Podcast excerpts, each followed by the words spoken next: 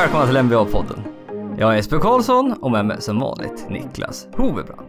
Podden hittar ni på vanliga ställena, iTunes, Soundcloud, Fans.com och annat valfritt podcastmedium. Följ oss på Twitter, att NBA-podden. Och vi upptäckte precis sånt här Niklas, så här, man ska vara glad över det lilla i livet. Och eh, det här var väl verkligen det lilla, nämligen att ISPN har äntligen lagt in ett streck i standingsarna så man vet vilka åtta lag som går till slutspel. Ja, vi, det var så här nära visar jag upp i en podcast, vilket är asbra. eh, att, eh, att man skrev in ett handskrivet brev och skickade till ISBN med, med frimärken och allt och sagt Vad i helvete har ni gjort med eran linje efter åtta lag? Ja, det, var, det var en eller två dagar bort, men eh, nu kan jag spara, spara porto och sånt. Det, det känns Ja. skönt. Ja, det är tur det i alla fall. Nej, för att tidigare hade de bara i öst, de hade öst och väst och sen hade de bara 15 lag. Det stod inte vilken, vilken position de hade. Nej, utan de hade rakt, bara... rakt upp och ner bara. La- Lagnamnen är det första som kommer och sen är det 15 lag i rad. Ja, och sen deras record då. Mm, så det, det var ju lite knivigt så här. Ha, just speciellt runt slutspelsplatserna i slutet. Där, ve- man ska titta, vem...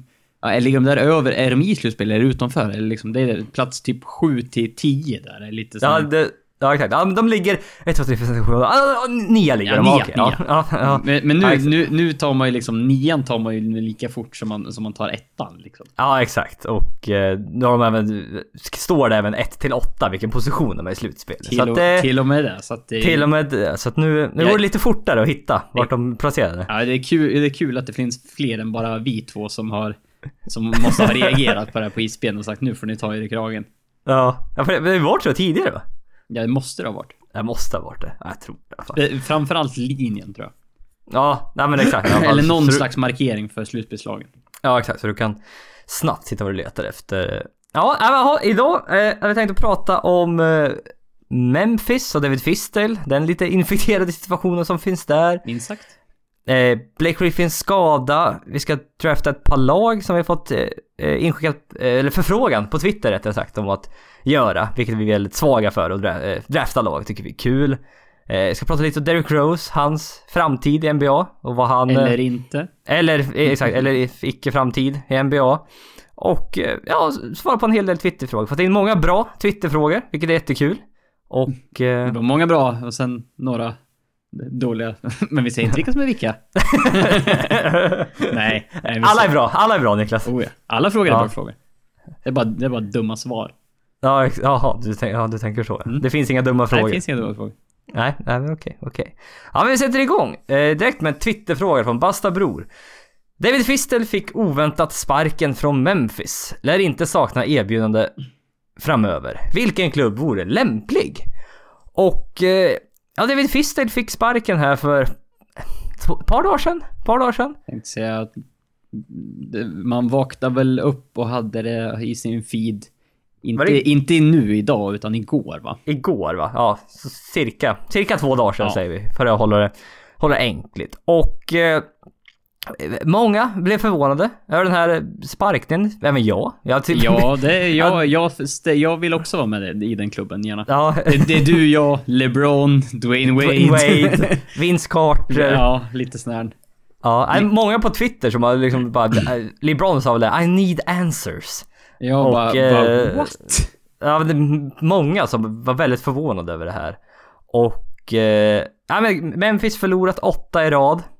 Eh, är väl en anledning. Han bänkade eh, Marc Gasol i hela fjärde quartern i förlusten mot Brooklyn. Och det blev väl ändå, de pratade inte med varandra efter matchen och det var rykten om att Marc Gasol hade gått bananas i gymmet efter matchen och ja, mycket så att de inte riktigt kommer så bra överens. Men i de här åtta matcherna de har förlorat i rad nu då, så har man saknat Mike Conley i sju av dem. Mm. Och... Eh, ja, det- det, kom lite här, det kom verkligen från ingenstans kändes det som. Visst, det är åtta matcher i rad och förlust, men han har ändå bara varit ett år och... Vet, förvånande faktiskt. Ja, nej men det är så här, om man, om man börjar eh, där. Alltså den här losing streaken går att jämföra med Clippers nästintill rakt av. Eh, dock, a- alltså om man tänker ja, i, i antal matcher, ja, typ. Ja. eh, eh, Doc Rivers var väl egentligen aldrig... Folk tänkte ju inte att han skulle, skulle bli sparkad. Eh, Han, han, jag, vet, jag vet inte, har han för mycket på, på sitt CV? Han har vunnit mästerskap, han har varit coach i NBA så länge. Ja, eller att liksom, eller också att de tänker att det är inte hans fel. Saknar man tre av sina fem bästa spelare är det svårt att vinna matcher ofta. Ja, men, men och sa, samma logik. Har man, leder man ett Memphis Grizzlies. Man vet ju att man lever ju och dör med Mike Conley och Marc Gasol. Ja. De klarar, alltså, det är ju helt kört utan dem, det vet de ju innan. Ja, och... Det eh, går ju inte, de är, så, de är väldigt top-heavy egentligen. Ja men det är det. Alltså de två är ju så himla viktiga för det här laget. Ja, ja, verkligen. Och med tanke på vilka, vilka löner båda har så märks det verkligen att det är de här... Det, det, fin- det finns en tydlig fördelning. Ja, men verkligen, verkligen. Sen även Michael Green haft problem, skadeproblem här tidigt i början. Även Ben McLemore. Nu vet jag inte hur mycket han skulle påverka, men han har varit skadad i alla fall oavsett. Nej, så är det. Och Chandler Parsons. Men Chandler Parsons har spelat helt okej. Tyreek Evans har ju varit som sagt eh, en eh, positiv överraskning för dem. Jag har, väl eh, ky- kylt ner sig lite grann mot Ja. inledningen, men Ja men ändå ja. som sagt varit helt okej. Men eh, man är 6-4 med Conley den här säsongen och 1-8 utan. Nu kommer jag på, kan det där stämma verkligen? Har de bara vunnit sju matcher? Ja, det har de. Det- Kul att Jesper, Sju, Jesper, sju, sju ja, kul att Jesper faktiskt har tittat rätt på sina stats för en gångs skull. Och att jag inte skjuter från höften som jag, som jag brukar vara. Som jag brukar göra. Men mycket har ju gått ut med det här att Marc Gasol är en coach-killer. Och det här är, det är Marc Gasol man skyller på här. Det är han, han är anledningen varför man sparkar David Fistel för att de kom inte bra överens helt enkelt. Och Eh, det, för det blir ju lite så med tanke på att det finns ju förklaringar till att de har förlorat åtta matcher i rad. Så Mm. att det är många som inte köper den här. Ah, men de hade förlorat så, så många matcher, det var, det var, de var tvungna att göra någonting. Liksom, Ja. Hade de gjort det med Mike Conley, eh, förståeligt. mm, Möj, möjligt. Men utan Mike Conley, det, alla fattar att, att det, det är ju fullt rimligt att det skulle hända. Men det, just händer typ, om det var dagen efter, mm. han hade gjort den här bänkningen av Marcasol mot Nets för att, jag vet inte, statuera någon typ av exempel. De hade gjort en skitmatch tror jag. Mm, ja men verkligen. Ja. Eh, men vad skulle jag, vad jag skulle säga? Jo men Marcus, har inte Marcus Gasol varit i lite, i så här små trade-rykten har han väl ändå varit? Ja, jo men det är det ju. Det, eller det är ju rättare sagt så här, ha, vad, när ska Grizzlies blow it up? Ja men exakt, när, när, när det här skiter sig och vi måste börja om, då är det ju, då är det ju Marc Gasol som ryker först liksom. Ja, jo men så är det ju. Eftersom han ändå är, han är ju, vad är han, 32 bast kanske. Ja, något Han är, fel sida 30 i alla fall. Så är det. Och, och att det liksom, han inte... Han ska inte vara kvar om man ska rebuilda helt enkelt. Men det är lite konstigt att de inte har kommit överens med David Fistel. Han har endast varit känd för det motsatta. Speciellt i Miami. Med LeBron James, med Dwayne Wade. Men det kan ju också vara lite annorlunda när man är assisterande coach. Ja, att man eh. inte, du tar inte de här viktiga besluten som verkligen kan göra de här stjärnorna förbannade. Utan att är, man är den här trevliga killen på sidan om mer eller mindre. Ja, nej, för det är ju många som har sagt att han, han är ju en players coach. Ja, verkligen. Egentligen och att han har väldigt mycket bra relationer uppbyggt med spelare runt om i NBA, vilket som sagt märktes när, när, på Twitter när han sparkades. Ja. Att det var många som reagerade. Eh, men det, det, det ligger nog någonting i vad du säger att som assisterande så kan man nog ta den rollen. Och jag vet inte, han har varit assisterande i jag vet inte hur många år, typ 20 år. Han var, han har varit assisterande hur länge som helst. Kanske inte på, är- inte på ett och samma ställe, men alltså han har varit... Bara kort notis här. Ja, det, kom upp på Facebook. Ja. eh, om David Fistel. Jag vet inte vilken hemsida det var, men någon av de här NBA-sidorna man följer på. Och att bara så här, pictures of David Fistels hot wife is, is blowing up the internet. nu när han har fått sparken. Nej. Jo! Såklart man går in på den artikeln. ja.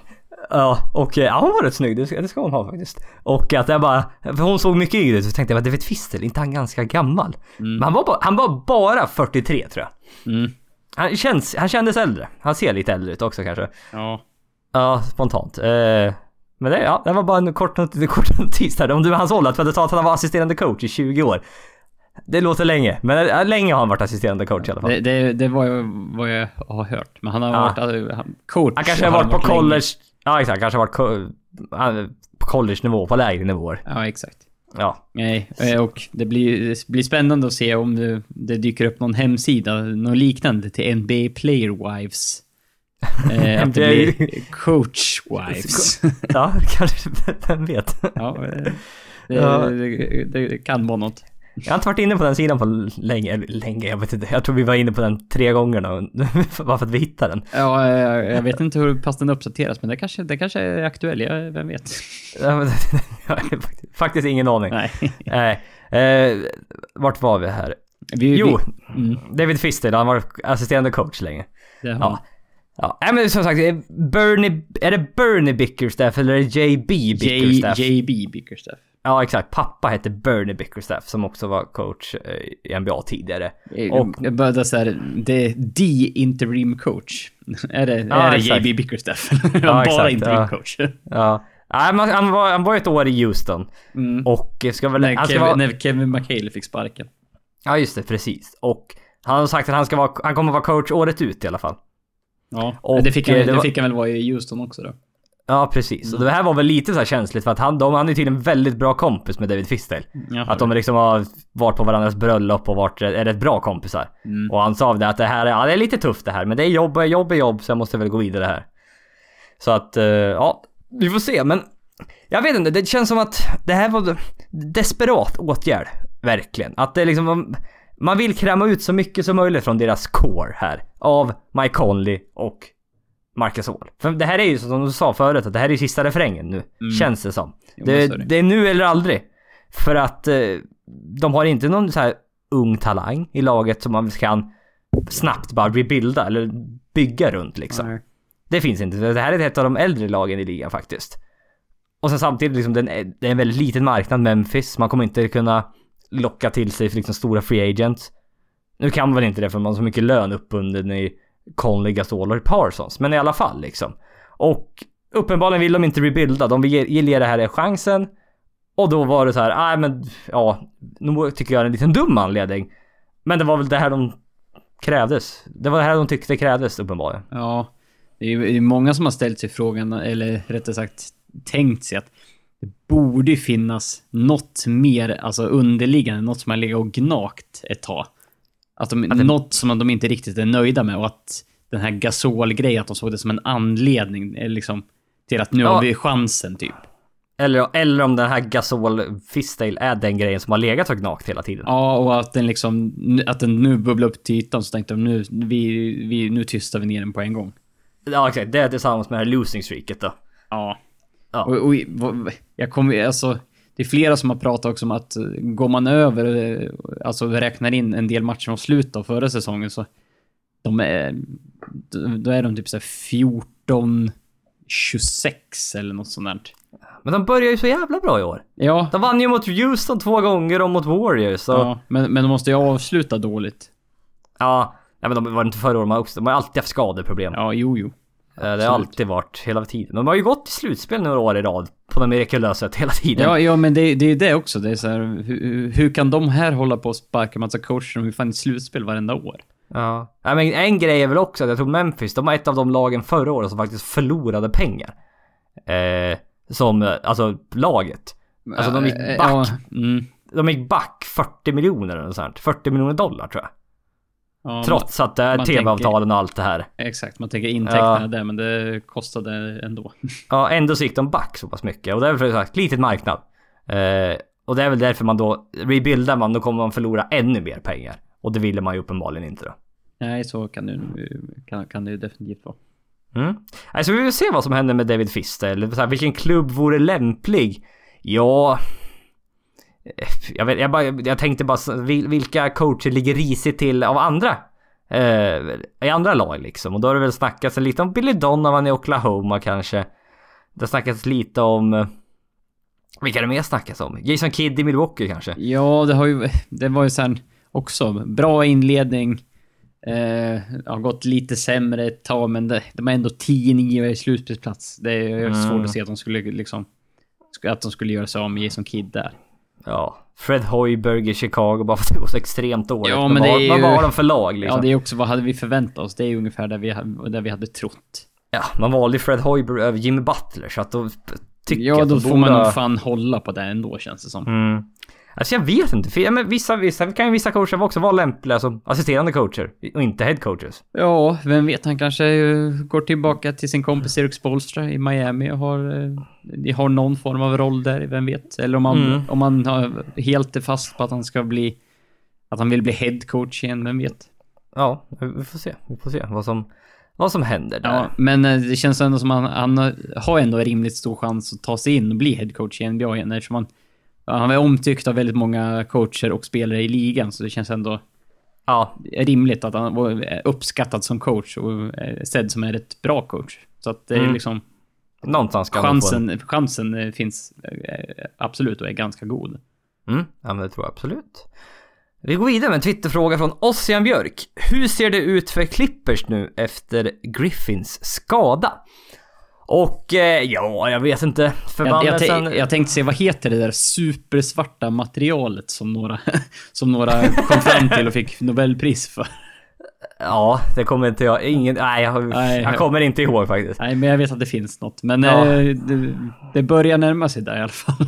Ja, det, det, det behövs ju en exorcist att få ut den här Clippers-jävlen snart känns det som. Jag vet, något behövs ju. Någon, lite så här heligt vatten eller någonting på Staples Center eller vad, Oj. vad det nu är för någonting.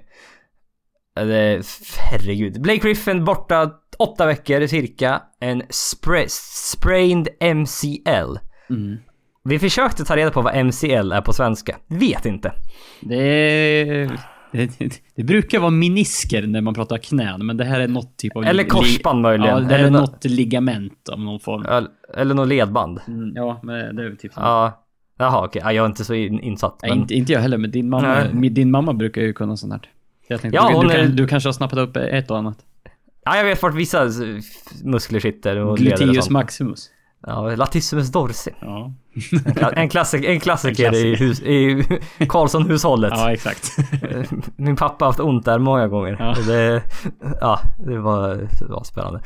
Eh, nå- nå- något eh, stukat. Sprained. Heter det stukat på engelska? Ja. Sprained ankle med stukat knä. Ja, skitsamma. Något, han har gjort illa knät Ja, oavsett i det, alla fall. såg, Och- det såg inte skönt ut för fem öre. Nej, Det, det, var ju, men- det var ju någon situation, det var ju någon boll som typ rullade på backen, sen skulle han ta den och sen kommer Austin Rivers och typ Och Lonzo Ball typ. Ja, Austin Rivers mm, eh, liksom typ lägger sig över han, hans ben så att knät vrider sig åt Ja. fel håll. Det ser, ja, det ser... Det såg inte så farligt ut när jag såg det. Jag såg det live. Ja, Det var, det var på morgonen när jag hade gått upp och skulle åka till jobbet. Sen, Jaha, det såg du slutet. Ja. Så då innan jag, precis innan jag skulle åka till jobbet så låg jag i soffan och tittade på t- telefon och sen bara... "Nej, Vad fan, det såg inte så farligt ut för han, han reste sig ändå upp och han gick ju ut. Men så, Ja. han reste sig upp och typ så här, satt, satt sig på bänken och sen typ spelade de vidare och sen var det någon timeout och då gick han ut till omklädningsrummet. Så jag trodde aldrig det var så farligt, men sen när man fick se repriserna då bara så här, aj! Mm. Så inte Ja men det här är ju, det, ut. det här känns som det är en freak injury. Det där hade, hade även LeBron James hade skadat sig Till och med. Ja, exakt. Det här är inte något som att bara för att han är skadedrabbad utan det här var bara ren och skär jävla otur. Ja, det är så här, det, det, du bara, du kan jämföra med om man slår någon i ansiktet. Ja.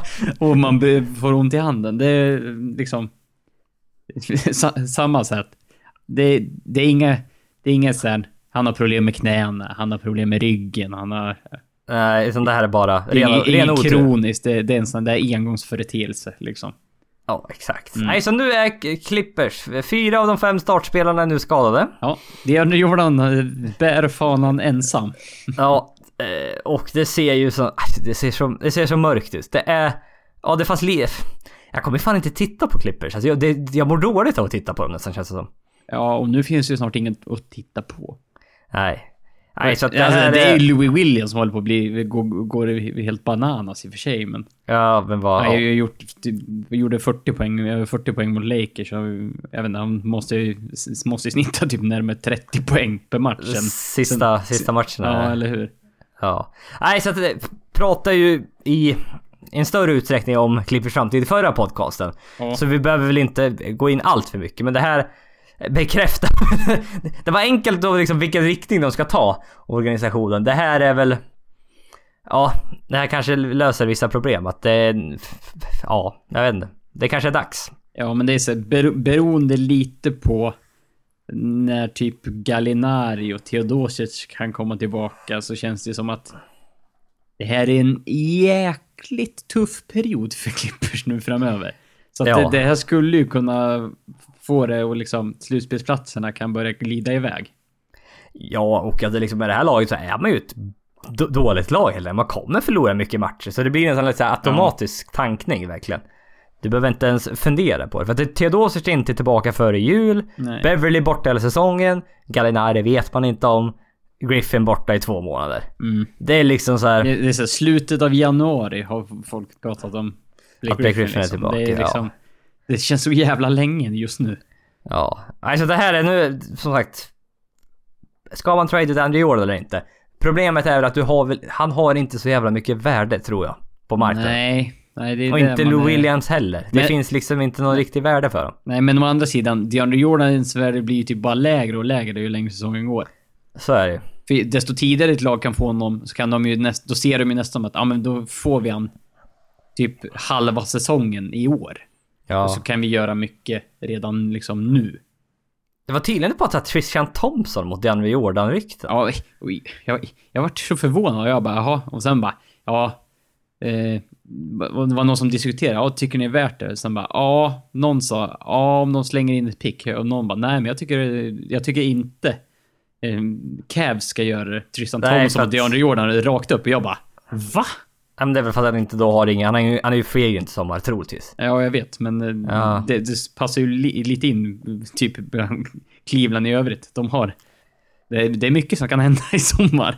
De Ja, kan bli av med men- mer än både DeAndre DeAndre Jordan om de skulle plocka in honom.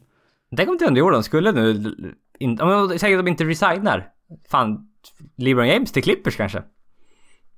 De har cap space. De har cap space i sommar okej. då. De har, har cap space. Ja, vi får se. Han vill ju till Los Angeles uppenbarligen. Ja, och vi bara, nej, Lakers, nej, nej. Nej, nej. Ta Clippers Ja, ja. Jag vet inte, vi vi har inte sagt så jävla mycket, mycket vettigt om de här om Clippers kanske. Men vi, vi pratar så mycket om dem sedan så att det här är... Nej, och, och Vi sen... kan, väl, vi kan väl lämna det kanske. Ja, sen tror jag vi, vi lämnar väl med orden typ att eh, det finns två riktningar nu. Hade det varit ett annat lag så vet vi vad vi hade sagt redan nu. Eh, Ja. Just när det gäller vårt lag så avvaktar vi. Eh, Ja, Men vet, det, det, här, det här pushar ju oss ännu mera åt, åt, åt det blow it up-hållet. Exakt. Så Och, kan man eh, väl sammanfatta det. Så kan vi väl lugnt säga. Eh, Derrick Rose har varit i, eh, eh, i medierna senaste tiden och inte tyvärr av någon positiv anledning utan att det är han har stukat foten igen eh, och kommer vara borta en, en tid. Och eh, han har lämnat Cavs eh, och funderar över sin framtid inom basketen helt enkelt. Han, eh, han, har kontaktat, han har kontaktat Cavs den här gången och eh, liksom sagt att eh, han är inte en aktiv spelare så han är skadad så att han det är inte som med Nix förra året då han lämnade mitt under säsongen utan att säga säga någon. Nej. Säga till någon alls. Nej, det, det, var ju, det var ju lite mer eh, häpnadsväckande än... Ja, men precis. Men nej, alla hans skador har tagit på honom så mycket mentalt nu att han eh, nej, funderar på att avsluta karriären helt enkelt. Han orkar inte mer. Nej, det, det är liksom... Spela några matcher, rehab, rehab, rehab. Spela några matcher. Det är liksom... Vad han, vad han spelat typ, typ, om det var 40 eller 46 procent av all, de eh, möjliga matcherna han skulle kunna spela sedan han kom in i NBA. Han spelar 46 procent. Ja, och han inte spelat över 60 matcher sedan han eh, slet, slet av korsbandet första gången. Nej. Och, Och som sagt, eh, så har han gjort det en gång till efter det och sen har det varit småskador på småskador blandat med dåliga knän. Ja men precis. Och den här senaste säsongen, förra säsongen var väldigt tuff. Han hade väl även nå, någon rättegång med att, eh, någon gruppvåldtäkt tror jag det var till och med. Och, och eh, som störde honom väldigt mycket. Och eh, ja, mycket, mycket har hänt de senaste åren verkligen. Och det är, det är sorgligt att det kan gå så här. Från att vara den yngsta MVPn någonsin. Ja. Och eh, alltså jag, jag, var, jag tittade idag liksom på hans höjdpunkter från den säsongen. Det är, ganska, det är rätt roligt att se på. Ah, fy fan vad han är duktig på att ta sig till korgen alltså. Mm. Det är så explosivt och så bra på att avsluta här korgen. Han var... Mm. Det, ah, det, det är liksom, tänker John Wall, men just den säsongen, då, det är, det är, då är det snäppet värre. Ja men det var, läst, ja, exakt, det var nästan en liten blandning av John Wall och Kyrie Irving just det här mot Mm. korgen på något sätt. Att det är snabb, John Walls snabbhet med Kyrie Irvings eh, förmåga att avsluta runt korgen kändes det som. Ja, fast Derrick Rose, eh, ännu mer förmåga att dunka mot om man jämför med Kyrie Irving kanske. Ja men precis. Irving men- är ju mer en lay- layup-kille liksom. Jo, men mycket av Derrick Rose var också svåra layups som Ja, ja, gick det- i oftare än vad de borde göra kan man Ja, tycka. han har sett många så man bara, det går aldrig. Okej, det är Ja, visst ja. ja men Mm. precis. Och eh, han, han slet av sitt korsband i slutspelet 2012 mot 76ers. Sen efter det tror jag han slet av sin menisk 2013 och sen 2015 igen. Mm. Och... Då Eh, får man ju komma ihåg att det är ganska lång rehabilitering på de här så att Ja, han, hinner ju, ju- han hinner ju knappt tillbaka innan han blir skadad igen liksom.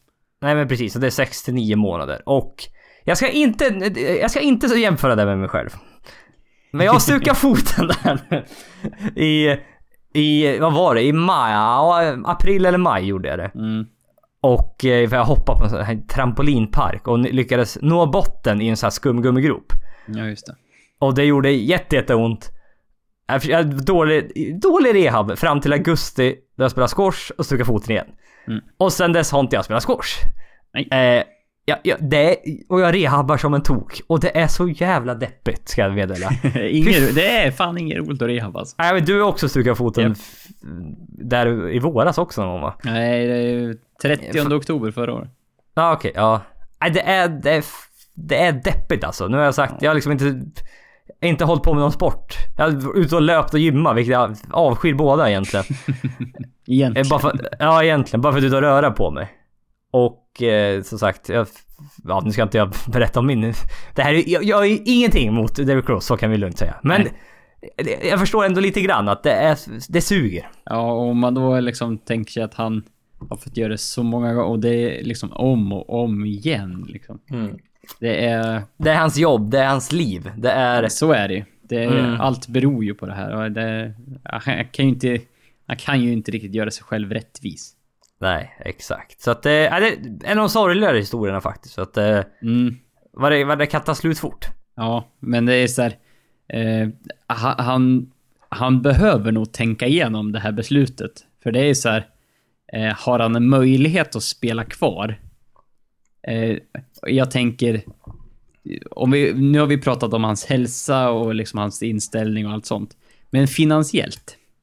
Han har lite att ha kvar fortfarande. Alltså eh, rent eh, kontraktsmässigt så med, med NBA-lag så, så har de senaste åren varit, det har ju varit min, minimikontrakt. Ja, ba- nej, det är bara i år faktiskt. Förra året var han kvar på sitt Ja, kontrakt det, ja, det var Chicago ja, men, eh, ja. men nu och framöver så är det bara ja, det är min, minimikontrakt. minimikontrakt. Ja, men jag tror han har typ så här.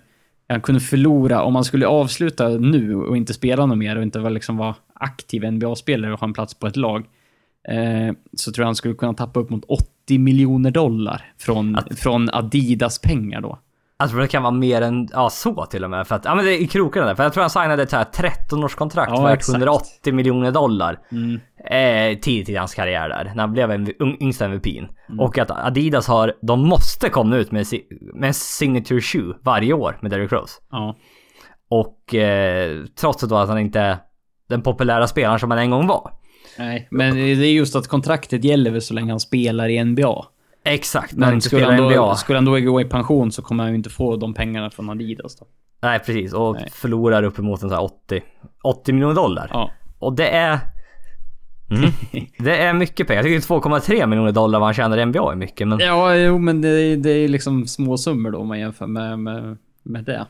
Mm, exakt. Så att... Eh, nej, det är en sorglig historia. Jag vet inte hur mycket det påverkar Cavs. Inte, inte så mycket kanske. Jag vet inte riktigt. Han passar väl aldrig riktigt in i Cavs. Nej, men det är väl så här att de tänkte att ja, han kanske kan bidra med någonting med att Isaiah Thomas är borta, men det har väl inte Exakt. riktigt blivit så. Nej, tyvärr. Tyvärr. Så att nu är det... Nu är det LeBron James som är point guard igen. Och nu Ja. börjar Cavs vinna. Typ så. Eh, typ så. Så att... Eh, mm.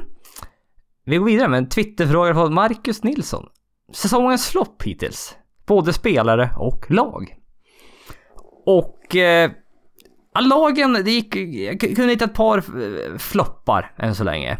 Jag börjar med Los Angeles Clippers. Det är, det är en flopp än så länge. Ja, men det av- finns en av anledning för det. Ganska förklarliga skäl. Det finns en anledning för det. Jag tänkte mer Dallas Mavericks.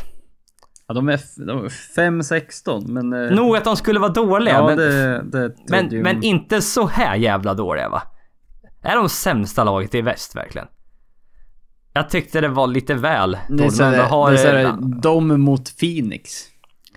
de har inte några NBA-spelare liksom i Mavericks. Det är ändå liksom Dirk, ja jag vet inte hur mycket han hjälper längre. Men det är ändå Harrison Barnes, Wesley Matthews. Och, så, och sen bara... Han spelar inte Nerlens Noel. Ja, det, ja. Nej men det, det känns som Dallas skulle kunna vara bättre än Phoenix. Alltså jämför de lagmässigt då är det så här, eh, kan du argumentera för båda sidor, men bara kulturen i Dallas och Rick Carlisle borde, borde, de borde vinna mer matcher än Phoenix Suns. Ja, jag vet. Bara jag, av en jag sån tyck- anledning. Och att man liksom, man har Nowitzki kvar i laget fortfarande. Man borde inte tanka och... Nej. Ja, jag vet inte, det är lite segt här. Så det är liksom... Skulle de kunna... Hade jag gissat på hade de kanske legat före både Phoenix och Kings, men inte, det är ju inte högre upp än så. Nej, exakt. Nej. exakt. Men det känns som det har gått lite väl dåligt. Var bara min, var min tanke där. Mm. Oklahoma. Ja, om man tar upp Clippers som flopplag så får man ju definitivt ta upp Oklahoma med tanke på att de här lagen har samma record. Eh, Ja. Oklahoma har då inte haft några skador. eh, In sin närheten av vad Clippers haft. Nej. Och... Eh, man är 8-11. Man borde absolut ha vunnit mer. Ja, Visst, det har vi sagt, vi har pratat om dem också tidigare här. Det finns lite, lite problem finns i det där laget. Men med tanke på den talangen som finns så det borde vara bättre. mm, definitivt. Och s- Ja. sen sa vi också, de har ju öppnat dåligt i form av att de har förlorat tajta matcher. De har varit, dåliga i slutet av matcher. Ja, de har ju bra, de har liksom ganska bra point differential. De har liksom det fjärde bästa point differential i, i väst än så länge. Ja, ja. Men då Och- har de ju haft länge också, men det är så här, va- vad fan, det är grönt på någon siffra där långt ner utanför Ja, det- slutspel. Jaha, det är Oklahomas. Ja, exakt. Att de, när de vinner vinner de stort, men när de förlorar är det väldigt tight. Mm, typ så så. det spelar ju roll där. Jag hade med Milwaukee. Men nu... Jag vet inte. 10-9. De är 8 i öst. Det var mer det min tanke. Borde inte de vara liksom kampa som femteplatsen? Ja, det skulle de ju kunna göra. Nu Tycker är de bara ett par nu- matcher nu är- bakom. nu är så det är ju, ett- jag är lite väl hård där kanske. Ja, Men, nu är typ, det är typ en match bort, men... ja. Möjligen Washington också. Bara 11-9. ja, eh, det, det är ju... Det är ju när man jämför dem med typ Detroit, då, det, det är då man börjar känna så här. Men att, ja, och att båda det- ligger efter Indiana och Philadelphia. Ja, ja men då, det känns som att, ja, nja, då... Varför är de sämre än de, de där? Ja, exakt. Varför har de inte vunnit ex, typ lika mycket? Nej. Nej, så att det... Ah, halvfloppar än så länge. Inga superfloppar än så länge när det gäller lag tycker jag. Nej, det känns inte som det. Och det, det, det är just för att här, några lag började bra, så att, men har blivit sämre, så de ligger fortfarande på något här, vad man förväntar sig. Jag tänker typ Orlando. Ja, okej. De har förlorat nio rad. Ja, ja exakt. Så att, men de började bra, men sen så gick det ut för. Och sen, sen Cavs säger precis tvärtom. De börjar ju katastrof, men nu har de vunnit nio raka och är trea i öst helt plötsligt. Ja. 14-7 liksom. Så nu är, det, nu är det tillbaka som vanligt. Ja, det, men det börjar ju liksom nu... Li, lite streaker tar ut varandra, så nu börjar det ändå få någon slags stabilitet i det kanske. Komma tillbaka till det normala. Ja, men typ så. Eh, Spelare än så länge. Jättesvårt. Jag hade jättesvårt att hitta spelare som har floppat än så länge. Min första tanke var Lonzo Ball. Ja, alltså med tanke på hypen och allt som var innan Ja. så ja, det måste Men man ju han- säga. Att han skjuter så dåligt. Men att han är en rookie och det är liksom... Eh, det, är, det är ingen superflopp än så länge tycker jag. Då kunde han ha med Markel Fultz också, men han har varit skadad. Så det, jag vet, nej, jag vet inte. Det är rookies, man ska vara lite lugn där tycker jag. Jo, jo, men, jo, men så är det. Mm. Men sen, sen är det ju alltid spelare som inte riktigt presterar liksom samma vad de kanske gjorde förra året. Men det är också sen, vissa är lite trögstartade, det är lite nya situationer. Ja. Eh, ja. Jag hade med var J.R. Smith. Skjuter 31% från trepoängslinjen. Ja, Och det- 30, 37% från golvet. ja, det är sådär. Ja, det var bara det det. Eller typ alla i Cavs utom LeBron. Ja. typ så, även om Kevin Love har haft några, några vettiga matcher på slutet, men... Ja, han hade varit okej ändå. Men du har Ja. ändå såhär Jay Crowder också så här 32% från trepoängslinjen. Och det Ja, han, lite- han, är, han är fan... Han har inte varit bra alls den här säsongen. Nej, men Det han, är just han att blev, han är dålig defense, han är dålig skytte. Det är så här... ja, men han, blev nästan, han blev nästan överskattad förra året. Ja, Alltså, alltså, hur, hur, om- om bra, man- hur bra han var. Om man ser han i år så ja, det känns nästan så. Mm. Det, det, det trodde inte jag. Jag trodde det var en bra riktigt bra signing. Ja, men det, uppenbarligen så är han lite överskattad. Vi sa väl alltid förra året, alla blev så glada när motståndaren blev jätteglada när Jay Crowder satte första skottet. Det är bara yes, nu kommer han nu fortsätta kommer skjuta. han fortsätta, skjuta. Nu får vi många returer här. Nu, nu kan vi... Nu kan vi jobba på det här. Mm. Ja. Nej, så, sen efter det, ja, det är svårt att hitta spelare faktiskt. Jag, jag ber om ursäkt att jag inte hittar något bättre faktiskt. Nej, nej, men det är så här. Det är ju ing- inga av de här toppspelarna riktigt som har... Varit jättedålig än så Nej, länge. men det floppat är svårt, och- svårt att säga.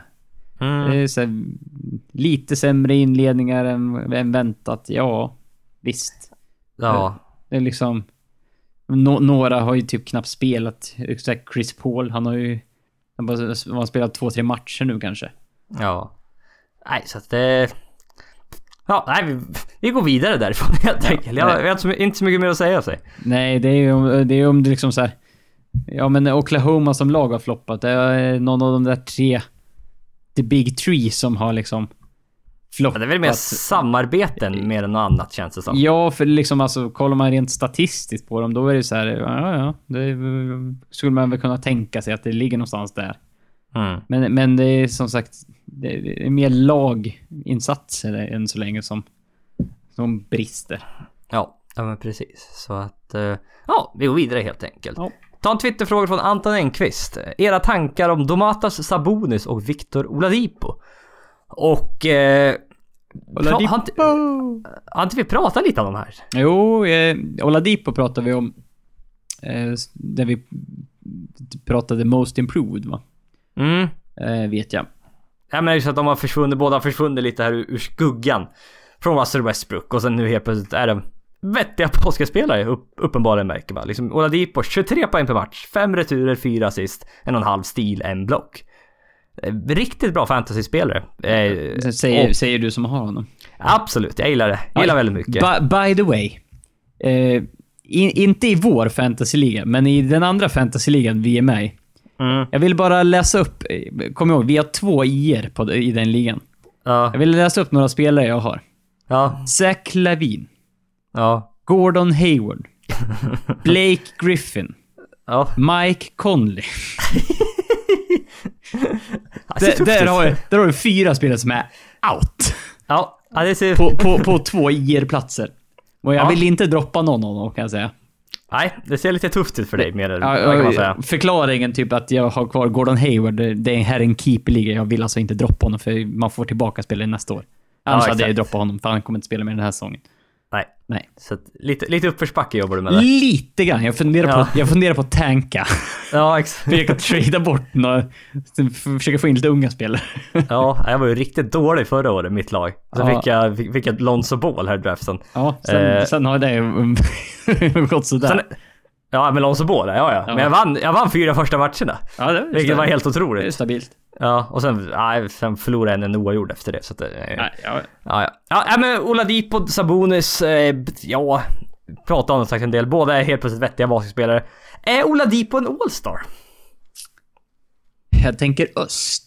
Jag tänker guards. Jag kom- på det här. Det här borde jag ha faktiskt... Borde man nästan ha tittat på när jag ställer den här frågan. Ja, men, men jag för, visst är det guard, guard, forward, forward, forward nu? Eller för, Ja, alltså, det är från frontcourt player. Ja, frontcourt. precis. Och sen Ja. är det två backup guards och sen är det väl två wildcards så att säga.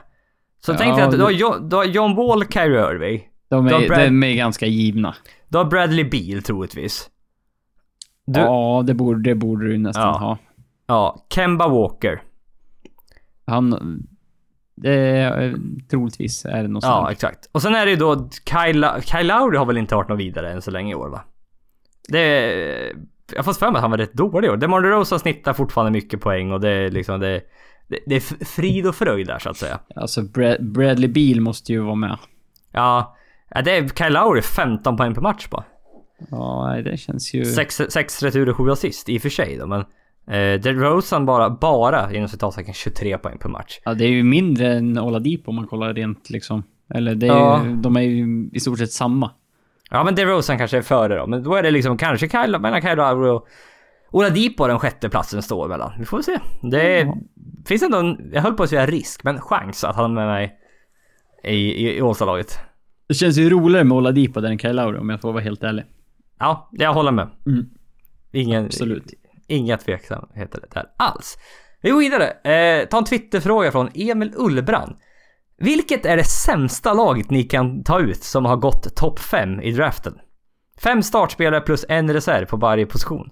Kanske lite svårt att hinna med den här frågan. Kan spara till nästa vecka i så fall. Eh, jag satt ju såklart uppe till cirka halv ett igår och höll på med den här frågan. Tur, var, tur att vissa av oss inte jobbar. Nej, exakt. Eh, ibland är det bra att plugga faktiskt. Ja. Eh, ja, och jag, jag började titta, man börjar titta lite på det här då. Liksom, jag har gått topp 5 i draften. Ma- ma- Vi känner ju alla, både du och jag känner ju till de här klassiska draft-bustsen. Mm. Alltså de här klassiska. Med Sam Bow gick före Michael Jordan. Du har Greg Oden före Kevin Durant. Du har Kwame Brown. Michael Olokwan. Det, det finns ett antal så här klassiska Som man, man, man alltid återkommer till. Ja men precis. Eh, men att hitta de sämsta spelarna. Det är annorlunda från att hitta vilka som har blivit busts. För att när du ändå tänker Kwame Brown, spelar 10 år i NBA. Darko Milicic, 9 år i NBA. Det är ändå... Det är ändå karriärer liksom. Ja, Och sen har du vissa no- som har- Nog för att många ifrågasätter hur fan det är möjligt. Det är en annan Ja. sak. Men det har ändå hänt. Ja, och vissa andra liksom topp 5-spelare spelar bara ett par år i ligan och sen är de ute. Mm. Så att, eh, lite annorlunda där tänkte jag. Men sen också när jag titt, börjar titta så här, man går bakåt i tiden. Alltså, så många spelare som jag inte känner igen, typ innan 96. Nej, det, det är nog en liten drop-off där, tror jag. Ja, för där helt plötsligt är det, för där, 96 gick Kobe Bryant i draften. Mm. Och där är liksom, när vi började intressera oss för NBA på riktigt. Det var liksom då de var i slutet av sina karriärer. Ja, inte när de blir draftade. Nej, exakt. Och, och innan där då, då är det spelare som man inte riktigt känner igen, som var före ens tid. Ja, det, det är då man har koll på de allra bästa. Ja men, ja. Ja. men det har man ju uppenbarligen. Eh, men det var alltså så många spelare som jag inte kände igen i topp 5. Så att om jag skulle då ta ut ett sämsta lag som har gått topp 5 i draften, någonsin. Det går inte, för jag känner inte i... När man känner igen en av fem spelare liksom från drafterna på 80-talet och 70-talet och även i början på 90-talet. Det är så här. Det går inte. Nej, och det är ju liksom inte ens... Det är ju inte riktigt meningen att vi ska känna igen dem. Men, för då hade de ju... Då hade de ju åstadkommit något i NBA. Då, det, då hade vi ju på, haft en anledning till att liksom lägga dem på minnet. Men, det, Ja, men- det är ju många som uppenbarligen inte har gjort det. Nej exakt. Och så när jag gjorde det här då tog jag topp 5 från 96 tog jag faktiskt. Och framåt, ja. Mm. Och framåt. Det, innan det, inte så kul kanske för de som lyssnar. Att, spelar man aldrig ens hört talas om. Eh, kanske man inte har nu heller. Nej, det, det, det finns en risk för att det är fortfarande... Man måste ju ändå vara... Man får ju komma ihåg, den som, även till den som ställt frågan, det, man får ju verkligen tänka på att de här som har varit riktigt dåliga, det är ju långt ifrån massorna som har koll på, på de här Exakt. spelarna. Mm, ja men så är det. Mm. Och eh, vi funderade på att kanske skulle gjort så här, de här största draftbusten genom tidigare istället. Men nu ska vi ta ut det sämsta laget och då försökte jag göra det. Mm. Och eh, svårt måste jag säga, väldigt svårt. Men ändå eh, en utmaning som jag ändå tog mig an och vilket, eh, ja är kul. Det är kul. Vi börjar med point guards här då. Du har, du, har, såklart, du har även varit med och kritiserat mina val, men så är det. som vanligt. Som vanligt att du Vi, behöver vi, inte... vi, vi kan ju bör- börja med att säga tuffare att hitta guards eh, som har plockat hooks men som eh, inte har blivit så bra. Lätt, Nej. Lättare med bigmen av någon anledning. Och, Ja men verkligen, för att alltså ända fram till inte för allt så många år sedan så skulle du välja en center som första val. ja oft, väldigt, väldigt ofta har det ju varit så. Historiskt sett så är det liksom, har du en bra center då vinner du matcher. Mm. Det är ju, och sen om du tittar historiskt, de här typ 12 bästa spelarna någonsin så är ju övervägande majoriteten av dem centrar. Ja. De här största genom alla tiderna. Så att det, historiskt sett så är det så. Men som du säger, gu- guards sen 96 som har gått topp 5 har de flesta lyckats ganska bra faktiskt. Ja, det är ändå rimligt. Ja, Väldigt många av dem.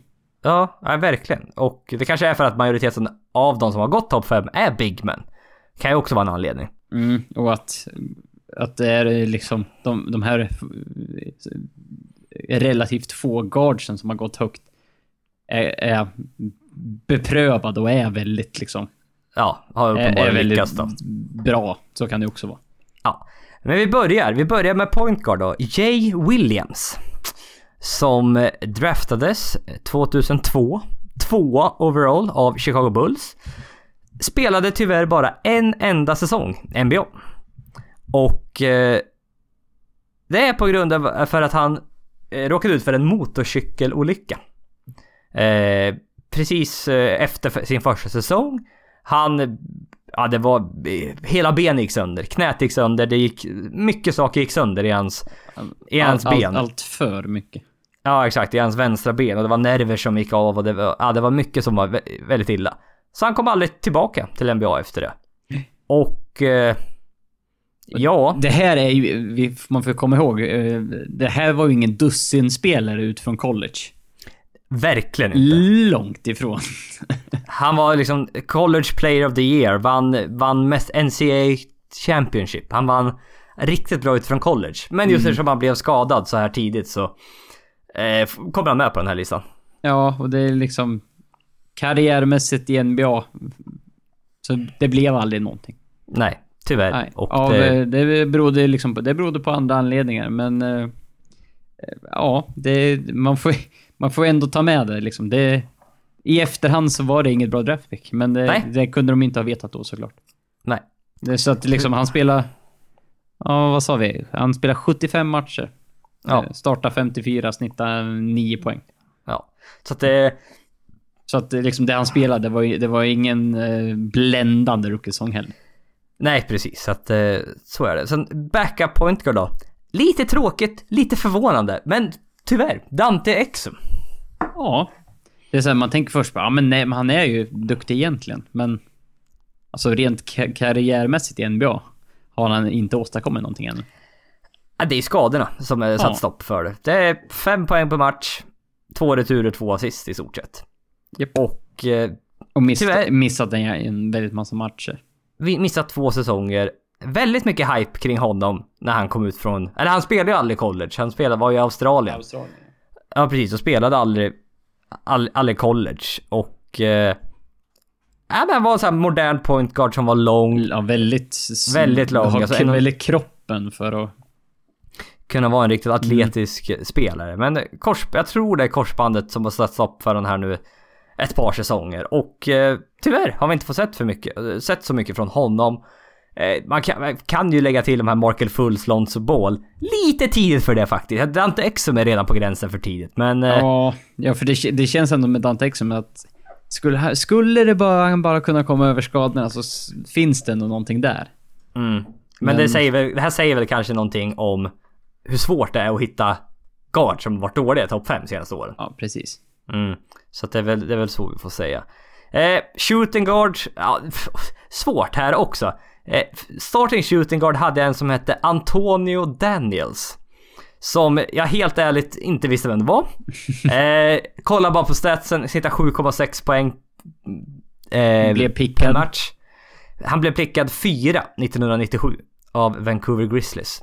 Och eh, ja, han spelade ett antal år i ligan men ingen bländande karriär på något sätt. Inget som stod ut direkt. Nej, precis. Och eh, nej, jag har inte så mycket mer att säga än så om det. Backup shooting guard, Sean Livingston. Vilket du Då- var, då- vilket du, du direkt bara... Ja men, ja, men det, det är så här. I I see where you're coming from.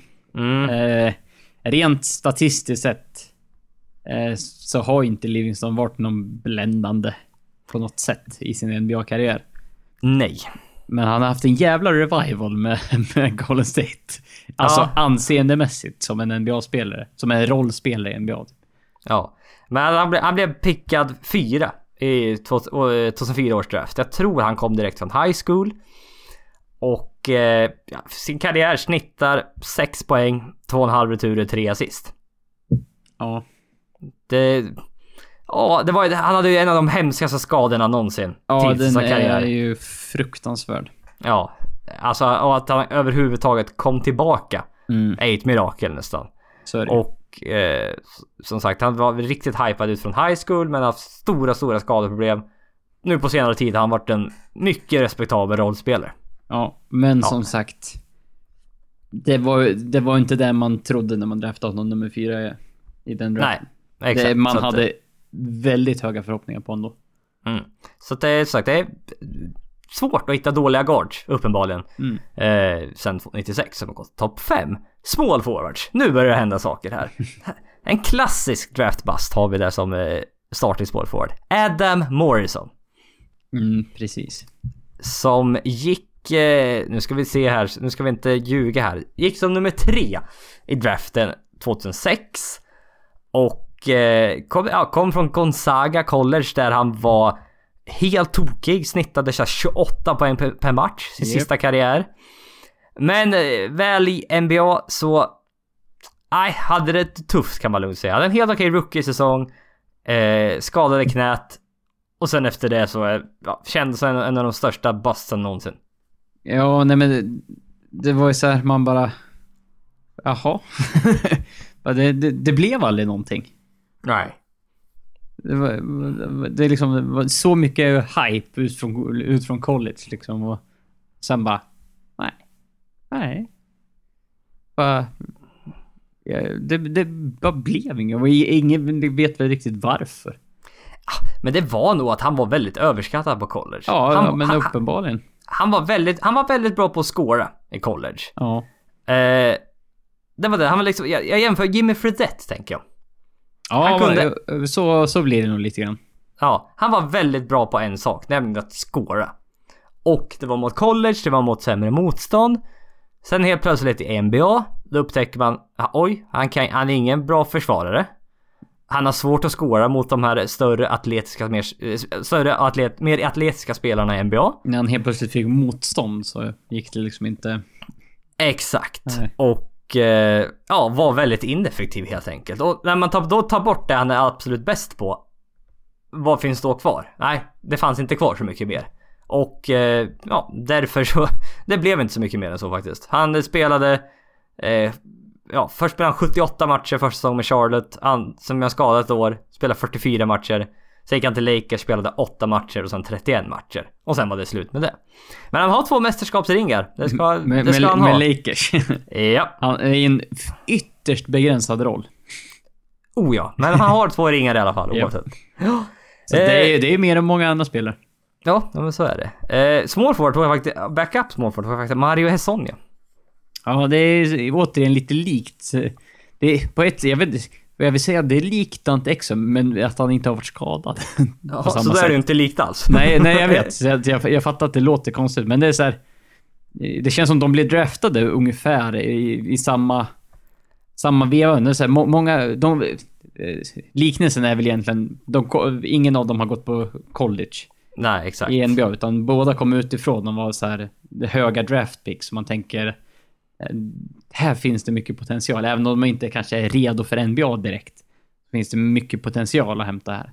Ja. Men att det liksom inte har aldrig blommat ut så. Nej, det har det inte. Och han, om man nu har declinat hans team option på hans fjärde år, säger väl någonting om hur Vilket, han har vil- spelat. vil- vilket oftast inte händer alls med rookies som är någorlunda vettiga. Det brukar, lag brukar ju ta dem och bara jaha, det, nu, Ja. nu låser vi in dem ett tag till. Ja, exakt. Så det, det, det, det är tufft. Mm. Eh, också, det kanske också är lite väl tidigt det här, men det var... Ja, det var den smallforwarden jag hittade i alla fall som var... En, En- en- sämsta en- laget. Än så länge så Mm. ser det, har han mycket kvar att bevisa. Om han, Ja. om han ens kommer få chansen framöver. Ja, ja, vi får se. Vi får se. Mm. Eh, power forwards. Nu börjar det komma in på riktigt intressanta. Bigmen. Där har vi sådana som har misslyckats ordentligt som har gått topp 5 i draften. Så är det. Eh, ursäkta mitt uttal. Starting power forward här har jag Nikolos Chit... Chit... Chikchivishvili. Chikchivili. Chichivili. Ja, Ja. Har vi, jag har, vet- har vi någon eh, grek som lyssnar? Georgian ifrån. Nej, Jörgen. Fan. Ja. Ingen aning hur man uttalar det där i alla fall. Nej, men, jag tror han- en grek skulle ly- lyckas bättre än vad vi lyckas. Vad fan vet jag, kanske det. ja, det är så här. Det är, det är för, en fördom jag har. Jag, Ja, tror, jag var- tror greker kan uttala det bättre än vad vi kan. Ja, vad vet jag. Ja, det, det, det känns när det ligger närmare grekiskan på något sätt. Ja, okej, möjligen, Ja. möjligen. Uh, valdes 2002 som femma i draften. Spelade f- fyra år i NBA.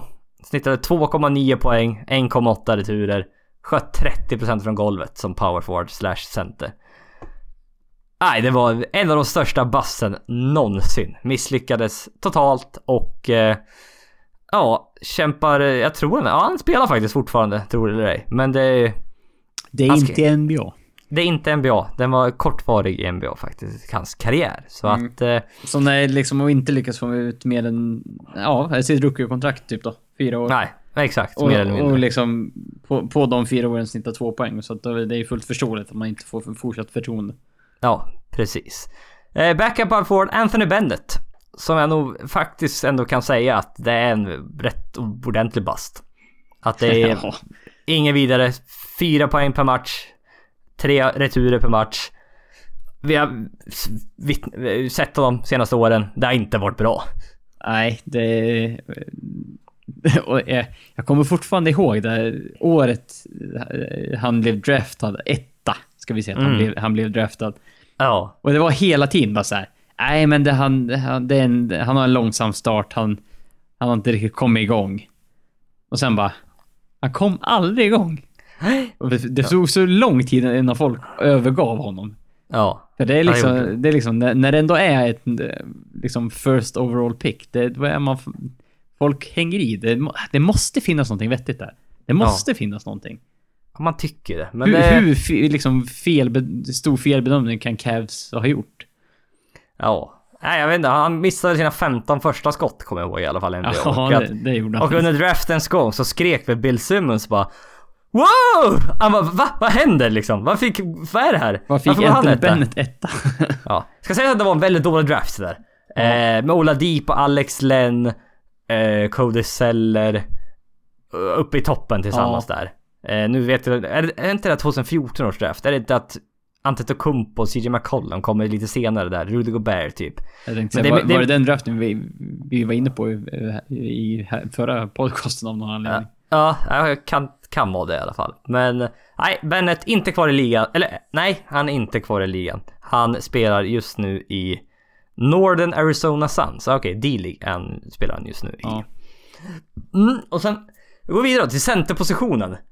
Stenhård konkurrens här, vem som är sämst. Det är en mördande konkurrens här. Ja, för som sagt. eh, Det är mer big men som har, historiskt sett har plockats bland, bland de höga picken. Och då finns det fler som kan misslyckas också. Det är tyvärr så, ja. Ja. Men, som sagt, vi ska ta ut det sämsta laget. Vi ska inte ta ut vilket som är störst av draftbusten. Men det, han ligger bra till ändå. Hashim Tabit. Ja, det är ju... Alltså, eh, eh, vi, vi, du, både du och, har ju, och jag har ju någon speciell mm, relation till Hashim Tabit. Ja, för M- att mer på, än vad de flesta har. Jag tror det. Eh, för att det var väl på NBA Live 10. Ett av de eh, första spelen vi spelade. Han var skitbra på det. Mm. Han och var, han, ung. han, han var ju, han var ju han och Blake Griffin var ju samma rookie-klass va? Ja, Eller, exakt. Eller ja, det var, så måste det ha varit. han gick tvåa efter Blake Griffin. Mm. Och gick före James Harden, gick före Steph Curry. Eh, och som sagt, ja, gi- gick... Eh, ja, en stor bast helt enkelt. Han är 2,20 lång. Japp. Och, och sagt, på det där spelet var han skitbra. För han hade typ 78 overall, lika mycket som Blake Griffin. Det var jättebra att ha honom i laget. Och, och liksom utvecklades i takt med någon, liksom...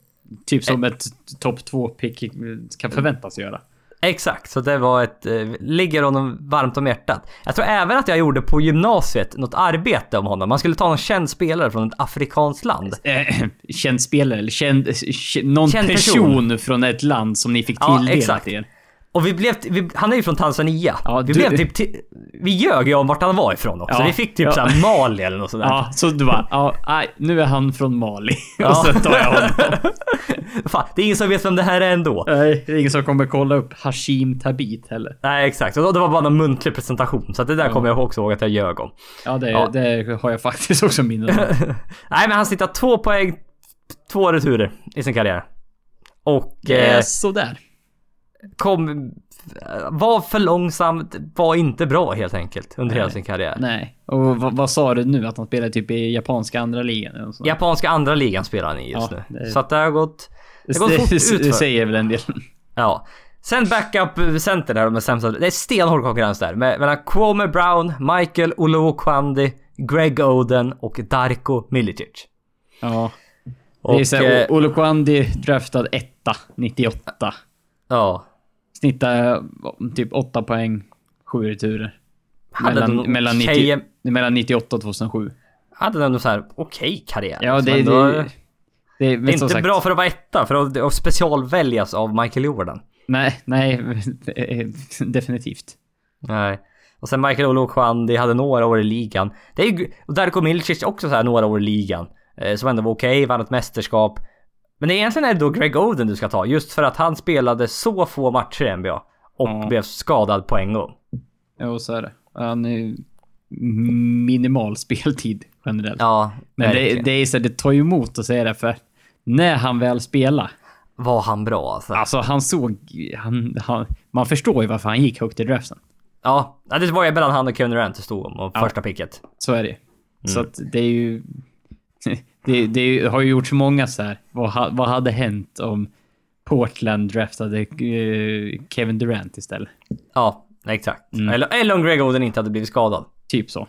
Det är eh, många, många om och men där, men... eh, Ja, i, i efterhand så är det, det är ju inget bra pick, men det är, det är synd på många sätt. Ja. Så där har det vårt, mitt lag i alla fall. Det är lite, lite luddigt lag kanske, men... eh, Ja, ska, får man en fråga så ska den svaras. Eh, vi går vidare. Eh, Twitterfråga från FBSK. Vad tycker ni om Lonzos kastteknik? Borde han ändra den? Hur lång tid tar det att bemästra en ny kastform? Och så vidare. Och eh, det, det, Magic Johnson sa ganska nyligen att de kommer inte göra något åt Lonzo Balls teknik under säsongen. Att de Nej. låter den vara, men möjligen göra någonting åt den då i sommar om den fortsätter, om det fortsätter gå dåligt för honom helt enkelt. Ja, men det är ju här när det gäller kastteknik så brukar det vara man tweakar dem. Ja, det är svårt att ändra helt. Ja, man, man, man kan... Med, med, med en shooting coach så kan man få in vissa detaljer. Man, där man säger, ja men lite mer in med, jobba med att få in armbågen, jobba med en bättre rytm. Ja, Eller liksom bättre follow tror jag, eller mindre, Något. mindre eller mer spinn på bollen. ja, Det- små grejer. Det är liksom detaljer ofta som det, man ändrar. Det är, ju, det är ju inte så att liksom... Alltså hela liksom releasen eller hela uppbyggnaden till skottet. Det är sällan det funkar att ändra sånt. Ja, Det eller sit, det. de har ju skjutit så jäkla många skott, även fast de är unga, de här, typ Lonzo Ball. Ja, Han har ju skjutit så himla många skott på det sättet som han skjuter nu. Det sitter det- ju liksom så djupt i ryggraden. ja, det är bara att möjligen Trishan Thompson och byter hand helt. Ja, men det, det- är så, då, då börjar man ju fan om. Ja, då är det uppenbarligen Ja. på noll igen. Ja. Nej men så att eh, det var rätt intressant. Jag tittade där. Han, just med hans pull-ups. Han har lite svårt att få ha pull-up jumpers. Det går lite långsamt. Det, han, han, han går liksom, nu visar jag här i verkligheten. Man går ju liksom upp på vänstersidan. Sen skjuter han typ från så vänsterörat på något sätt. Ja, han, han är ju väldigt långt om, om, du tänk, om man tänker sig ett streck rakt igenom kroppen. Han är ju väldigt långt ifrån center. Ja, Det ser liksom det- centralt i kroppen. Han är ju utanför kroppen nästan. Hela, I hela skottet typ. ja. Alltså det är väldigt konstigt. Och, att, och han vill ofta gå vänster när han väl gör sina pull-ups. Mm. Eh, ett pull-up shot. Att han går till vänster för då kommer det i rytmen eftersom han har bollen på vänstersidan också. Så det är väldigt tydligt. Och han är väldigt svårt att skjuta när han går till höger istället. För ofta är det naturligt för högerhänta spelare att gå vänster för det är lite mer naturligt att få upp bollen där. Och att det är lite längre eh, till höger. Men jag tror det var det att jag tror inte han sköt en enda pull-up shot åt höger under hela sin college-tid. Det, det är ju nästan imponerande. Ja, att det var en stepback eller att det var att han gick åt vänster. Mm. Inte en enda åt höger. Och eh, sagt, det är, det är svårt att gå åt höger. Men det är liksom... Eh, Steph Curry, tänker du det? Ja, han skjuter åt båda hållen. Men han är så bra på det oavsett liksom. Mm. Och han har så bra teknik och så vidare och så vidare. Eh, så jag vet inte liksom det här. Det, det ser ju väldigt konstigt ut. Den enda, Kevin Martin var väl den enda som hade så här riktigt liknande te- teknik. Han hade en väldigt udda teknik han med. Mm. Men eh, det är, det är ju å andra sidan en väldigt bra skytt.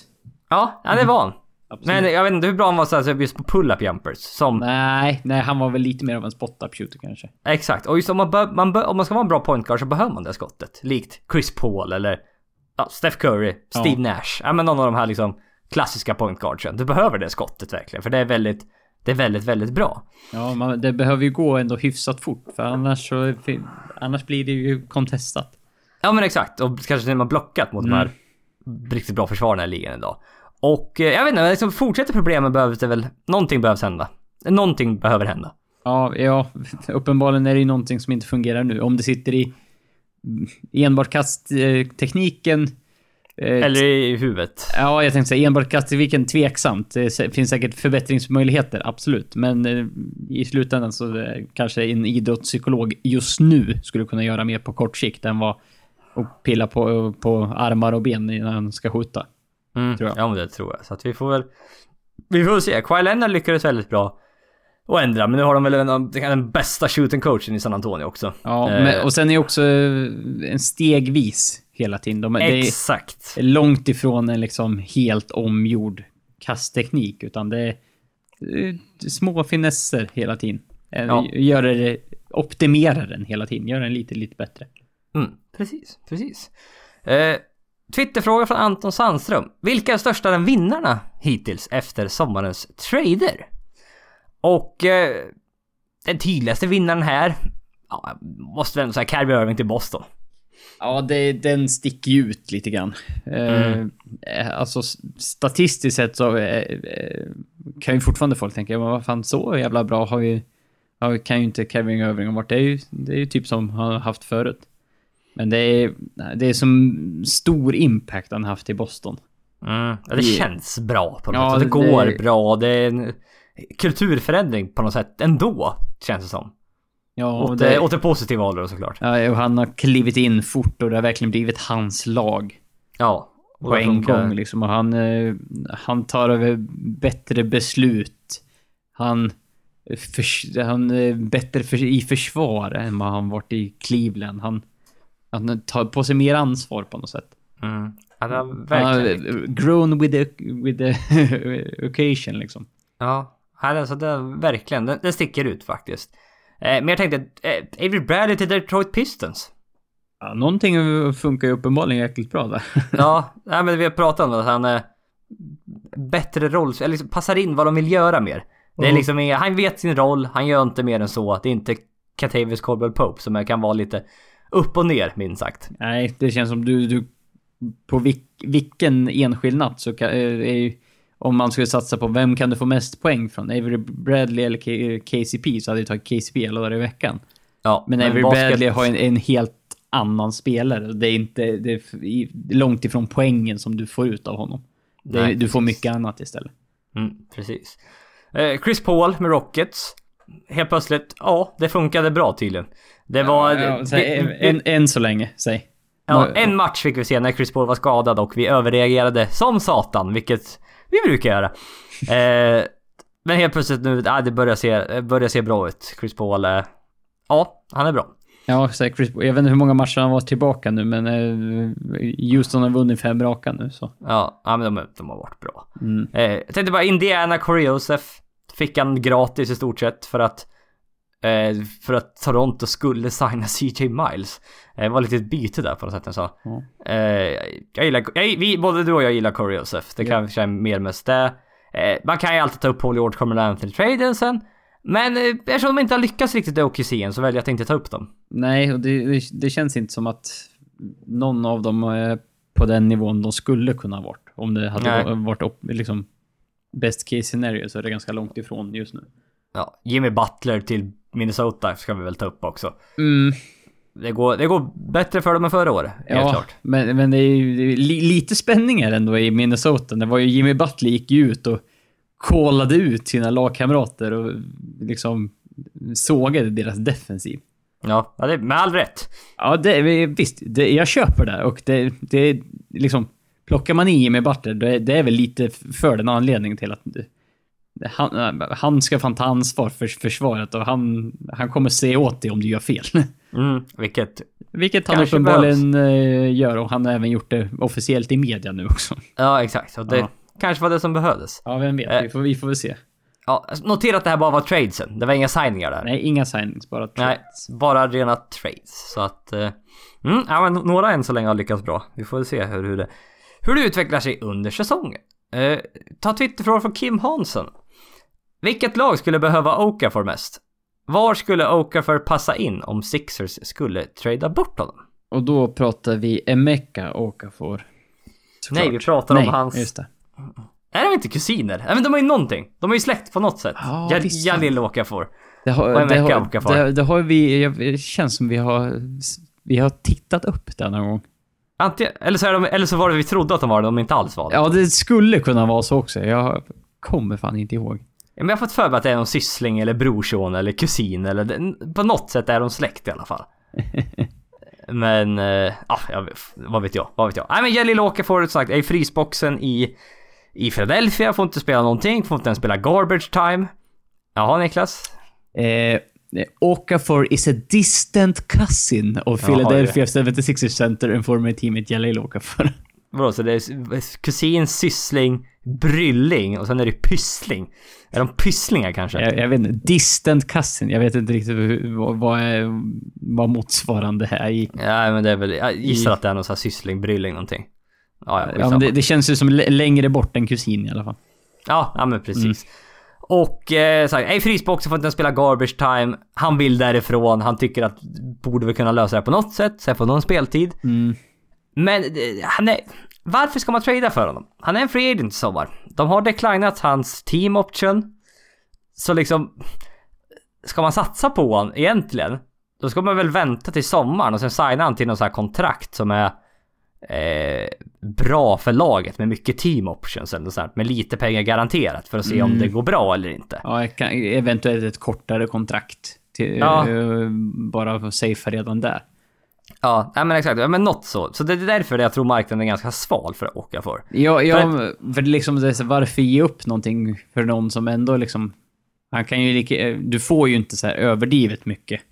Eh, och han kan ändå gå i sommar till någon annan, så liksom, då kan, vi, lika- kan vi lika gärna försöka då. Ja, det, det, det, det, finns ju en logik bakom varför inte marknaden är glödhet. Nej, för att först krävde de ju first round picks och unga spelare och allt möjligt. Nu har det väl kommit ner till Typ en sec second rounder. ett second round pick i bästa fall liksom. ja. Så att... Eh, ja, vad för lag skulle vilja ha honom?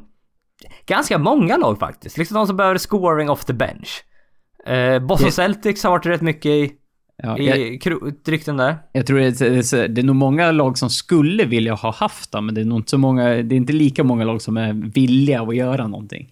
Nej, nej så, precis. så är det nog, tror jag. Nej men för man tror man är lite orolig för att Ja. något har ju gått fel uppenbarligen här. Ja, no, det är ju uppenbarligen så är det något som... Ja, frågan är om det är helt eh, liksom stilt mellan organisationen och han bara, eller om det är liksom något mer fundamentalt basketmässigt som, är, som inte han- riktigt funkar. Var det inte lite problem med han i början? Att han körde, åkte dit för fortkörning, Ja, det- körde eh, jättefort gjorde han. Ja, Och det har varit lite så små grejer i början av hans karriär. Ja, det, var, det var eh, lite sån här varning, varning på en rookie, att han gör lite... Dumma grejer. Ja, lite dumma grejer. Lite så här... Hallå, fötterna på jorden nu. Tack. Ja, exakt. Så att det var väl... Jag vet inte, men många har ju sagt att liksom, alltså, han var den bästa college post-up-spelaren man någonsin har sett. Sen Hakim liksom. Mm, Det var, det var på den nivån det var. Det var därför han gick tre i draften också. så är det. Att eh, det var bland det bättre man har sett. Och jag, jag, jag, jag gillar... Defensivt, visst, han var jätteusel. Oh ja.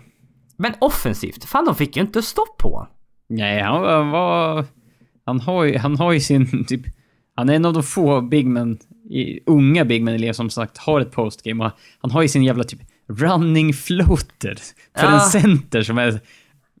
Det, folk hade jävligt svårt att stoppa den. Ja men han, han har liksom han har lite spin moves och liksom Ja. bollen är ju som en handboll för honom i handen. Man har Ja, sett det lite bilder ser, på honom. ser lite så ut. Ja, och att... Eh, ja, men så Boston har ju varit en del rykten kring han.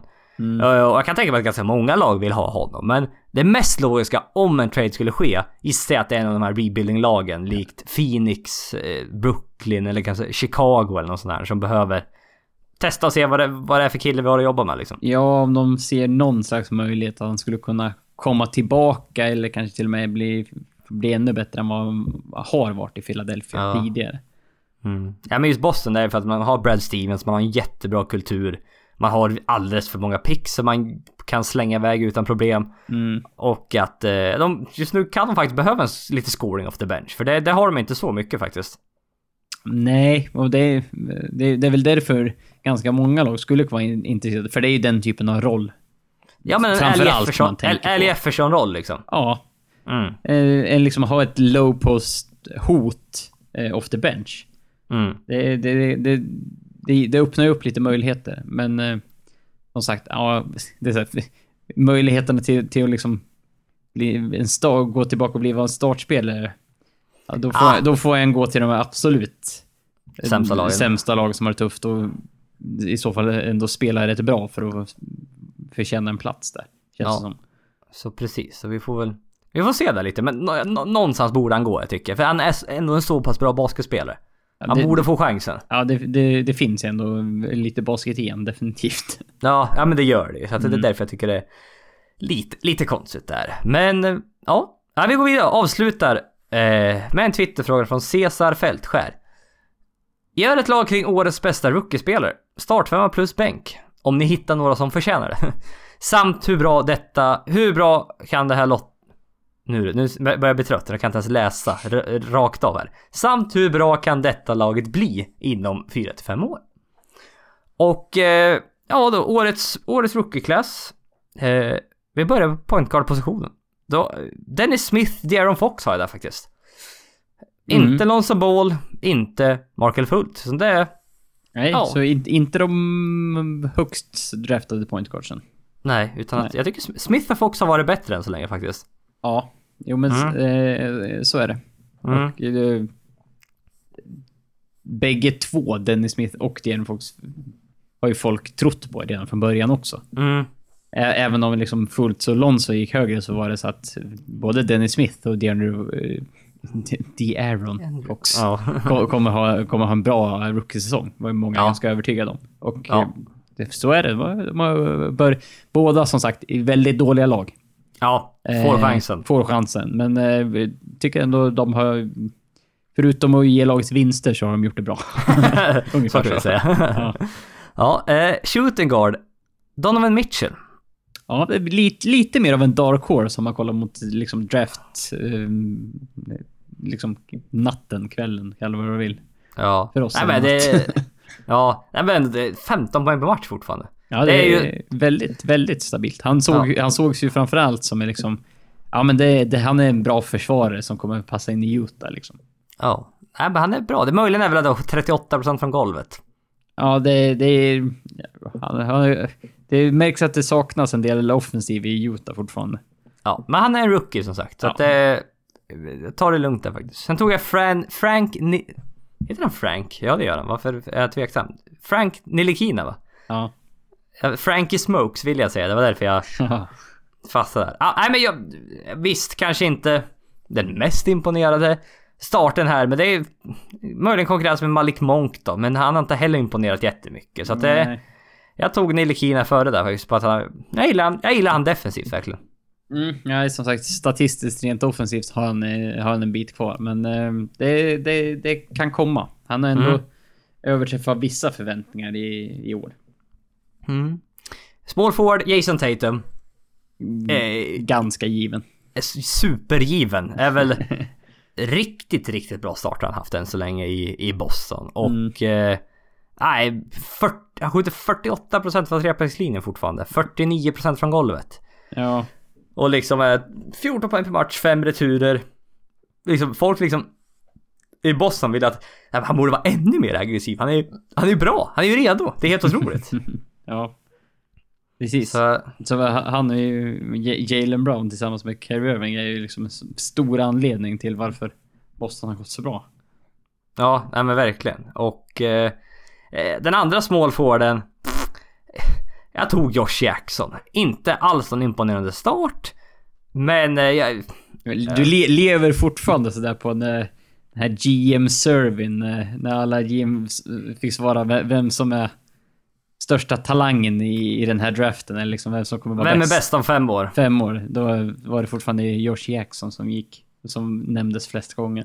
Ja, så det ligger väl någonstans i baktanken där kanske. Mm. Var, varför jag valde honom. Eh, Han har power- lite att bevisa i alla fall. Ja men det har han absolut, Mm. än så länge. Eh, power forward, Ben Simmons. Behöver ingen förklaring, han är ju typ en topp 20-spelare i ligan redan. Han är jag tänkte säga, han är... Han skulle ha... Vi pratade om eh, All-Star eh, Guards i öst. Skulle ha, är han med och konkurrerar med point guard-plats, tror Jag antar att de sätter han som power forward. jag antar det alltså. För det är 18 poäng, 9 returer, 7,5 assist liksom. Det... Ja, det är hur skulle han inte kunna bli en All-Star? Så, typ så. Det är ju första... Ja. Nej, så jag, jag vet faktiskt. Nej, Allstar är han nog. Ja. Absolut. Men det är just vad var... Jag gissar att de lägger han som forward. För han kvalificerar in på alla listor så, där, så kvalificerar han in som point guard för han spelar tillräckligt mycket. Ja, jag vet. Det är jätte... ja, det är skumt det där. Ja, Ja, det, det, det blir, blir spännande att se. ja, jag, vet, jag vet faktiskt inte vad... Nej. Nej. Eh, Nej. Förlåt. det är lugnt. Det är lugnt. Eh, Kyle Kuzma på andra powerforwarden. Snitt 16,7 poäng per match. Ja, det är, det, det, det, det, det är fan mer än vad man tror fortfarande. Bästa scoren i Lakers. Gått tillbaka till bänken här nu när, Larry Nance har kommit tillbaka. Mm. Och jag, jag vet inte riktigt vad jag tycker om det, men...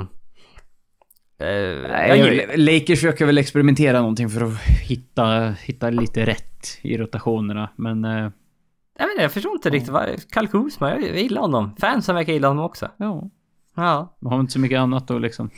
Nej. Just nu. Eh, centrar tog jag John Collins. Eh, sen tog jag Lauri Markkanen som center också, vilket är tveksamt kanske. Men jag, jag, jag får göra det. Han är ändå 7 feet. Mm. Det kän- det eh, känns som John Collins är någon som har flyg, flugit under radarn för ganska många. Tror jag. Det är för att han spelar i Atlanta. Ja, det... det lite så är det nog. Ja. Nej men det är lite, han har varit lite så här. Men det var ju, det var ju, det, för det första var det inget stort namn på, i, i draften egentligen heller. Nej men det är liksom 11,5 poäng, 7 returer, spelar bara 23 minuter per match. Mm. Och det är lite så här, eh, jag har inte fått starta någonting egentligen. Jag har fått starta på matchen på slutet. Eh, som power forward bredvid, bredvid Dwayne Deadman. Men... Eh, ja, jag gillar honom faktiskt. Mm. Han är det, det, så här, mm, modern atletisk center. Ja. Och Markkanen har gjort det sagt bättre än vad många har trott. Och, eh, men som sagt han spelar i Chicago så vi får väl se hur mycket han kan påverka i framtiden. Men det är ändå kul att en, en finne är bra i, är bra i NBA. Det är häftigt bara det. Ja, och, och snittar likt typ Dirk gjorde sin rookie-säsong just nu. Ja, Mm. Det är ba, ba, bara där liksom så här. Oj. ja. The finisher. Finish. Eh, Er. er. Ja. Ja, ganska bra smeknamn faktiskt. Ja, Bättre än. Frankie Smokes. Frank, ja, jag gillar Frankie Smokes. Det tycker jag är bäst än så länge. Men det, så är det. Eh, jaha, något mer att tillägga Niklas? Så här. Ehm, jag tror vi, har- vi, vi har missat någon fråga, men... Det har vi säkert. Då får vi be Ja. om, be om ursäkt för det. Jag tror vi har fått med allt. Vad Men är det som gör Piston så bra i år? Såg jag nu. det, Då säger jag så här. Den här podcasten är alldeles för lång. Lyssna på vår förra podcast. Ja, typ så. Och hade han skrev, eh, han hade ett par, par andra frågor också. Gjorde att jag, och att vi svarade på den i stort sett i förra podden. Mm. Så då valde jag att, eh, ja, vi, lyssna på förra podden så får du svar där istället. Då så. Ja, bra. Då har du inget mer att tillägga. Nej, det var lugnt. Då är det bra. Eh, Följ oss på Twitter, NBA-podden. Inget internettapp idag, vilket är helt fantastiskt. Ja, det är helt makalöst. Jag, Ja. bara, så här, jag var tvungen att gå till min inspelning. Har du något annat? Har, har inspelningen stannat eller har du något annat? Ja, som var fel? det. Jag tittade också. Jag var lite orolig. Något har ju säkert gått fel här, men... Ja, och min mick har i, hållit också. Det var i och för sig länge sedan den så här, Kausa. Ja, helt. Ja. Men, Nej, så att vi... Ja. Ja. som sagt. Följ oss på Twitter, NBA-podden. Vi får tacka för att ni har lyssnat. Tills nästa gång får ni bra. Tack. Hej.